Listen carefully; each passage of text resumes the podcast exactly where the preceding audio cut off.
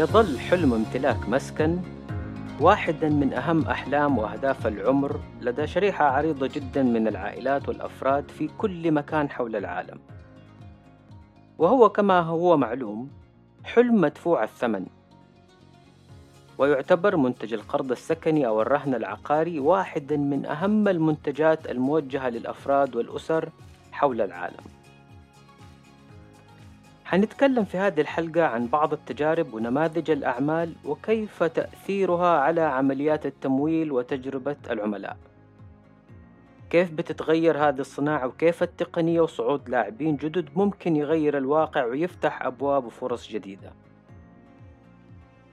لن نناقش أهمية تملك السكن ولا العمر اللي لازم تكون وصلته وتكون تملكت سكن وهل تشتري كاش وجاهز ولا تشتري أرض وتبني بنركز في الحلقة على الجانب التطبيقي ونماذج الأعمال الصاعدة وكيف بتحل بعض الآلام والصعوبات الموجودة اليوم. راح أركز على عرض بعض بعض الحلول بالتحديد من الهند كسوق ناشئة ومن الولايات المتحدة الأمريكية كسوق متقدمة. وراح ألفت النظر لبعض القصور في النماذج المستعرضة واللي أشوفه كفرصة ذهبية مهمة لاختراق السوق من وجهة نظري. خلينا في البداية نشوف العالم كيف شكله ونتعرض لبعض معضلات التمويل العقاري اليوم. ولاحظوا إحنا بنتكلم على نطاق عالمي يعني معظم هذه المشاكل بيواجهها الممولين والبنوك والشركات الوسيطة والعملاء والمنظمين حول العالم وفي جغرافيات مختلفة. وناخدها من وجهة نظر العميل. تبدأ الرحلة بواحدة من أهم المعضلات وهي إيجاد العقار المناسب للسكن ويتأثر بالقدرة الشرائية للمتمولين الأفراد وعدم تناسبها مع أسعار العقارات. مشكلة الأفوردابيلتي لما تنخفض أسعار العقارات ترتفع أسعار الفائدة يتورط العميل في الخيارات المتاحة يشتري عقار رخيص لكن بقسط تمويل عالي بسبب الفائدة. ينتظر تنخفض أسعار الفائدة ولما تنخفض أسعار الفائدة ترتفع أسعار العقارات فيشتري نفس العقار أو مشابه له بسعر أعلى ويدفع نفس القسط ويقول في نفسه لو ما انتظرت يمكن كان أفضل. بعد ما ينتهي العميل من عناء وألم البحث عن عقار مناسب إما بنفسه أو عن طريق وسيط تبدأ معاناة جديدة وهي البحث عن ممول مناسب بأفضل سعر. تبدأ رحلة زيارة أكثر من ممول وعرض المستندات والإجابة عن الاستفسارات وتعبئة الاستمارات. ونرد عليك خلال يومين بالموافقة المبدئية. في أسواق كثيرة اليوم الموافقة المبدئية أصبحت آنية فورية لكن لازم تأخذ كعب داير على كم بنك عشان تعرف إذا حصلت على أفضل سعر أو لا. في الغالب الأعم في معظم الأسواق هذه المعاملة غير مدعومة باتفاقية شراء بين مالك العقار والعميل. ولو موجودة فبتكون محددة إما بعربون يدفع مقدما أو اتفاقية محددة بأسبوع في أحسن الأحوال. يعني ممكن جدا على ما تنتظر الموافقة المبدئية يكون طار العقار وانباع. عملية التمويل وصرف القرض نفسها loan origination أو ال underwriting بعد الموافقات ما انتهت وترتبت الأمور والتسعير والقسط والدفعة ووقع العميل يمكن عشرين ورقة. تاخذ لها حوالي أسبوعين إلى عشرين يوم. في المتوسط كامل المعاملة يستغرق أربعين إلى ستين يوم. هي التجربة التي يمر بها أكثر العملاء لإنهاء عملية التمويل والتوقيع على كافة العقود والضمانات ومستندات التأمين وتعهدات الصيانة وغيرها وغيرها وغيرها من الأوراق والمستندات. سبعين إلى ثمانين ورقة إضافية يوقع عليها العميل ثم يستلم مفتاح منزله. رغم أنها تجربة قد لا تتكرر إلا مرة واحدة في العمر إلا أنها تجربة في معظم الأسواق اللي حاولت أنظر فيها هي تجربة يضطر لها العميل لعدم وجود خيارات بديلة ولأن النهاية المأمولة أهم من سوء الخدمة وطول الوقت وكثرة المستندات وتكرار الزيارات وضعف الدعم وعدم وضوح الشروط والأحكام وأيضا عدم الثقة في وعود المقرض نفسه وغياب الشفافية. هذا ملخص الوضع. خلينا زي ما قلنا ناخذ أمثلة تطبيقية كيف المعضلات هذه بيتم مواجهتها بطرق مختلفة في أسواق مختلفة. وزي ما قلنا حنبدأ بالهند. باعتبارها دولة آسيوية عدد سكانها ملياري وأعلنت من سبع سنوات حكومتها خطة طموحة جدا تستهدف عام 2022 تحت عنوان Housing for All. تستهدف دعم شرائح متوسطة ومحدودة الدخل. البنوك التقليدية الكبرى زي ستيت بانك اوف انديا أو اي وغيرهم كلها اليوم عندهم حلول اونلاين للعملاء لتقديم طلبات التمويل العقاري. بعضها تعبي استمارة كول باك يتصلوا بك لازم هم من طرفهم أول وتقدم الطلب بعدين يتصلوا بيك ويساعدك مندوب البنك. ممكن يزورك للبيت عشان يشرح لك التفاصيل المناسبة للقرض. هذا إذا كنت من المؤهلين بالعموم. هذا مثال على سوق كبير جدا معظم القروض اللي فيه صغيرة نسبيا ما تقارن بغيره من البلدان. لكنه مثال على تحديات economies of scale. كيف تقدر تحافظ على تكلفتك منخفضة؟ بإجراء أكبر قدر ممكن من العمليات. هذا التحدي يخلي البنوك الكبيرة في الهند تبني نماذج أعمال تركز على المبالغ أكبر من حد معين عشان تقدر تغطي مصاريفها وتكاليفها. لأن نموذج العمل في جميع الأحوال مسنتر حوالين الفروع التقليدية لهذه البنوك كنقطة اتصال رئيسية مع العملاء لإنجاز معاملات التمويل. بنك آي سي آي سي آي يعتبر أكبر بنك من حيث محفظة التمويل العقاري. تو تجاوز 2 تريليون روبية هندية. كأول بنك من القطاع الخاص يكسر هذا الحاجز. ورغم ذلك الموافقة الفورية متاحة بقيود وإلى حد أقصى مبلغ تمويل يعادل تقريبا 500 ألف ريال. شركة بي إن بي لتمويل المساكن تعتمد نموذج مشابه لكنه موسع قليلا. معظم التعاملات والمستندات يتم إنجازها أونلاين وتقدر تكمل متطلبات العناية الواجبة أو KYC online ويوصلك مندوبهم إلى عندك. هذا النموذج المعتمد على الخدمة الشخصية رائد جدا عشان يعالج مشكلة الزيارات المتكررة للفروع والاعتماد عليها وتوافق الوقت واللي لها انعكاسات على إنجاز الطلبات. موضوع التنقل أحيانا مو سهل على شريحة كبيرة من العملاء. فممكن تتعطل المعاملات أسبوع واثنين عشان العميل مو لاقي فرصة يزور فرع البنك ينهي أموره. هذا المحور من التركيز على الاحتياجات الاجتماعية social needs ما نلاقيه في كثير من الأسواق. طيب ده التركيز على سكان المدن وال tickets الكبيرة. يشبه التركيز على higher end of the market إيش يحصل مع راغبي تملك السكن من القرى والأرياف؟ وهذه شريحة كبيرة وواسعة وغالبا غير مشمولة أو متجاهلة ببساطة لعدم الجدوى.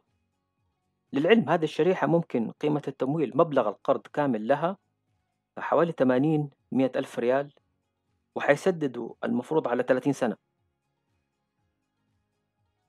العام الماضي 2020 شركة تقنية مالية ناشئة فنتك اسمها بيسك هوم لون صممت منصة عملت من خلالها اتفاقيات مع حوالي 20 بنك أو شركة تمويل عقاري. بعروضهم بأسعارهم بمنتجاتهم سياساتهم الائتمانية. بسلطات بابا غنوج على ما يقول. العملاء يقدموا طلباتهم بالكامل على التطبيق يرفعوا مستنداتهم وتجيهم الأسعار والموافقة من البنك على الطلب بشكل شبه فوري. بيسك هوم لون تعمل عملية التوفيق بين profile العميل و profile البنك المناسب لطلبه وتوفق راسين في الحلال تغطي عملية الموافقة حتى الموقع الجغرافي للعقار للعميل للبنك لو له فرع في نفس المنطقة. رغم أنه هذه الشريحة مخدومة جزئيا أو غير مخدومة نهائيا عبر آليات السوق التقليدية لاعتبارات الجدوى والتكلفة بيانات بيسك هوم لون تظهر أنه 70% من المستخدمين اللي بدأوا طلباتهم كملوها وحصلوا على الموافقة. هذه فرص وطلب من السوق موجود لكن كانت تتجاهله نفس البنوك وشركات التمويل اللي بتمنح هذه القروض اليوم. بيسك هوم لون وفرت حل حقيقي ليس فقط للشريحة غير المخدومة ولكن أيضا للبنوك نفسها اللي كانت بتفوت هذه الفرص. نسبة موافقات عالية نسبة تعثر منخفضة للغاية متوسط مبلغ القرض لهذه الشريحة حوالي عشرين ألف دولار زي ما قلنا سبعين ثمانين ألف أحيانا ممكن توصل إلى مئة ألف ريال. الحل التقني رغم أنه فتح بوابة طلب جديد إلا أنه اصطدم بعقبة عدم التغطية الجغرافية من الممولين. شركات تمويل أو بنوك. ليس لها تواجد في المنطقة المدينة القرية الريف اللي موجود في هذا العميل. وهذا التحدي تم مواجهته بالنموذج الرقمي الهجين اللي نسميه فيجيتال. وهو مزيج بين التجربة الواقعية physical experience والتجربة الرقمية digital experience فبعد ما تصدر الموافقات النهائية على التمويل أونلاين آه، أو عبر التطبيق واستكمال كل المستندات آه، عبر التطبيق مجموعة من المناديب المستقلين freelancers ياخذوا المستندات يكملوا توقيعها من العملاء يتمموا باقي الإجراءات يشرحوا الشروط والأحكام والتفاصيل للعملاء. مرة بعد أخرى نشوف هذا النموذج في تجارب كثيرة في أنشطة اقتصادية مختلفة في الهند. نموذج عمل يركز على الاحتياجات الاجتماعية. وأبغاكم تفتكروا هذه الاحتياجات أو هذا المحور في المرة الجاية اللي تشتغلوا فيها على ابتكار خدمة أو منتج. في جانب كلنا نحب نركز عليه. هو الجانب الوظيفي functional needs. كيف يشتغل ويتقدم المنتج. ال process حقة الحصول على الخدمة. نشتغل على journeys تغطي functional needs نسميها ال user experience أو ال customer experience. لكن ما ننتبه لل social needs وفي كمان emotional needs افتكروا دي للآن بعدين ممكن نتفاهم على ذا الموضوع. إلى يونيو 2021 ساهمت بيسك هوم لون في منح أكثر من 33 مليون دولار قروض عقارية. يمكن بالدولار المبلغ ما يبان كبير لكننا بنتكلم على أكثر من 2 مليار و500 مليون روبية هندية. أستفاد من هذه القروض احتمال أكثر من مليون و500 ألف عميل. 30% من هذه القروض استفادت من الدعم الحكومي. طبعا لا تزال هناك فرص كبيرة للتطوير ورقمنة إجراءات ومستندات كثيرة وتعتبر فرص مستقبلية للتحسين والابتكار. لكن هذا نموذج من من من الهند كمثال. خلونا الآن ننتقل للولايات المتحدة الأمريكية. سوق من الأسواق المتقدمة. تحديات مشتركة مع غيره من الأسواق وتحديات خاصة بالسوق الأمريكي. وبدون إطالة خلينا نشوف شركة التمويل رقم واحد في التمويل العقاري زي ما هم بيقولوا عن نفسهم. الصاروخ. ما بتريق هم اسمهم روكيت مورجج أو كما اشتهروا قبل ما يغيروا اسمهم رسميا في يوليو الماضي كويكن لونز هم اللي قدموا أول حل أونلاين للتمويل العقاري في العالم. هم تأسسوا فعليا عام 1985 ما أعرف إذا أحد يفتكر لكن السنة اللي فاتت كان عندهم إعلان عمل ضجة جميلة. جابوا جيسون ماموا. إعلان مرح حقيقي عن كيف إنه البيت هو المكان اللي تكون فيه على حقيقتك وبراحتك وكيف إنهم يساعدوك توصل للراحة دي. ضغطة زر وتاخد قرضك. في عام 1999 أطلقوا rocketloans.com كانت أول مرة تظهر خدمات التمويل العقاري أونلاين. لكن في 2015 أطلقوا منصة رقمية لمعالجة طلبات التمويل العقاري وفي 2017 صاروا أكبر شركة تمويل عقاري تجاوزوا أكثر من 30 ألف منافس. أنهوا 2020 بأداء قوي 320 مليار دولار قروض عندهم أكثر من 26 ألف موظف. في السوق الأمريكي أكبر تحدي ممكن يواجه أي أحد أي عميل هو عملية تقييم العقار بسعر مناسب. وإيش ممكن تكون نوعية الإصلاحات اللي حتحتاجها؟ قصة تانية. نظاما عملية التقييم لازم يتولاها طرف ثالث لا الممول كشركة أو بنك ولا أنت كعميل لك الحق في التدخل أو أنك تتواصل مع المقيم اللي يمارس دوره بشكل مستقل. العملية تستغرق في المتوسط بين 30 إلى 60 يوم عشان تقدر تاخد قرضك الصاروخ روكيت مورجج ممكن ينهيها في 50% من ذا الوقت بين 15 إلى 30 يوم. يعتمد طبعا على معايير كثير لكن غالبا أكبر عائق في سرعة المعاملة هو عملية التقييم. روكيت مورجج حاصلين على أعلى تقييم في رضا العملاء 11 سنة متواصلة في تنفيذ القروض. وأعلى تقييم في رضا العملاء 8 سنوات متواصلة في خدمة القروض ال servicing خدمات ما بعد البيع. لكن ما يمنع أن هنالك نظرة فيما يخصهم آه، بأنهم ممول آه، سفاح في الأسعار خصوصا ال closing fees وغيرها. المشكلة في السوق الأمريكي إنه في جملة من المصاريف والتحديات تتعلق بجداول الرسوم والمصاريف غالبا ما حتلاقي أحد يفسر لك هي بشكل مقنع. وتخلق نقطة بلبلة وتوهان للعملاء. التفاوض على السعر النهائي لتكلفة الإقراض معضلة أخرى. لما تتشبك لك على القرض خدمات ما تعرف قيمتها لكن ترفع لك التكلفة نقطتين ثلاثة نقاط أساس على السعر ما تنتبه. لكن ثلاث أربع خدمات انضرب السعر تلاقي عشرين نقطة أساس طلعت في سعر الفائدة ما تعرف ليش. نفس الألم في الاضطرار لمراجعة عدة بنوك وممولين لمحدودية الحلول التقنية أونلاين. معايير الشفافية والإفصاح لأسباب تنافسية معروفة غير متاحة بشكل قاطع ونهائي. أي أسعار بتلاقيها أونلاين ما هي أسعار نهائية لازم تدور وتبحث. المعيار الذهبي لحصولك على أفضل شيء هو ال credit score. مع تراجع التقييم الائتماني ترتفع التكلفة إلى حد ممكن ما تلاقي ممول يقبل بيك. رغم أنه في حلول للناس اللي سجلها ائتماني غير مرضي bad credit لكن طبعا مكلفة للغاية مو كل الممولين يطرحوها. روكيت مورجج بكل الفنيات والخبرة اللي عنده نقدر نعتبره أفضل اللاعبين في السوق non-bank. ويعتبر يعتبر مستهدف رئيسي للشركات التقنية المالية الناشئة قبل البنوك.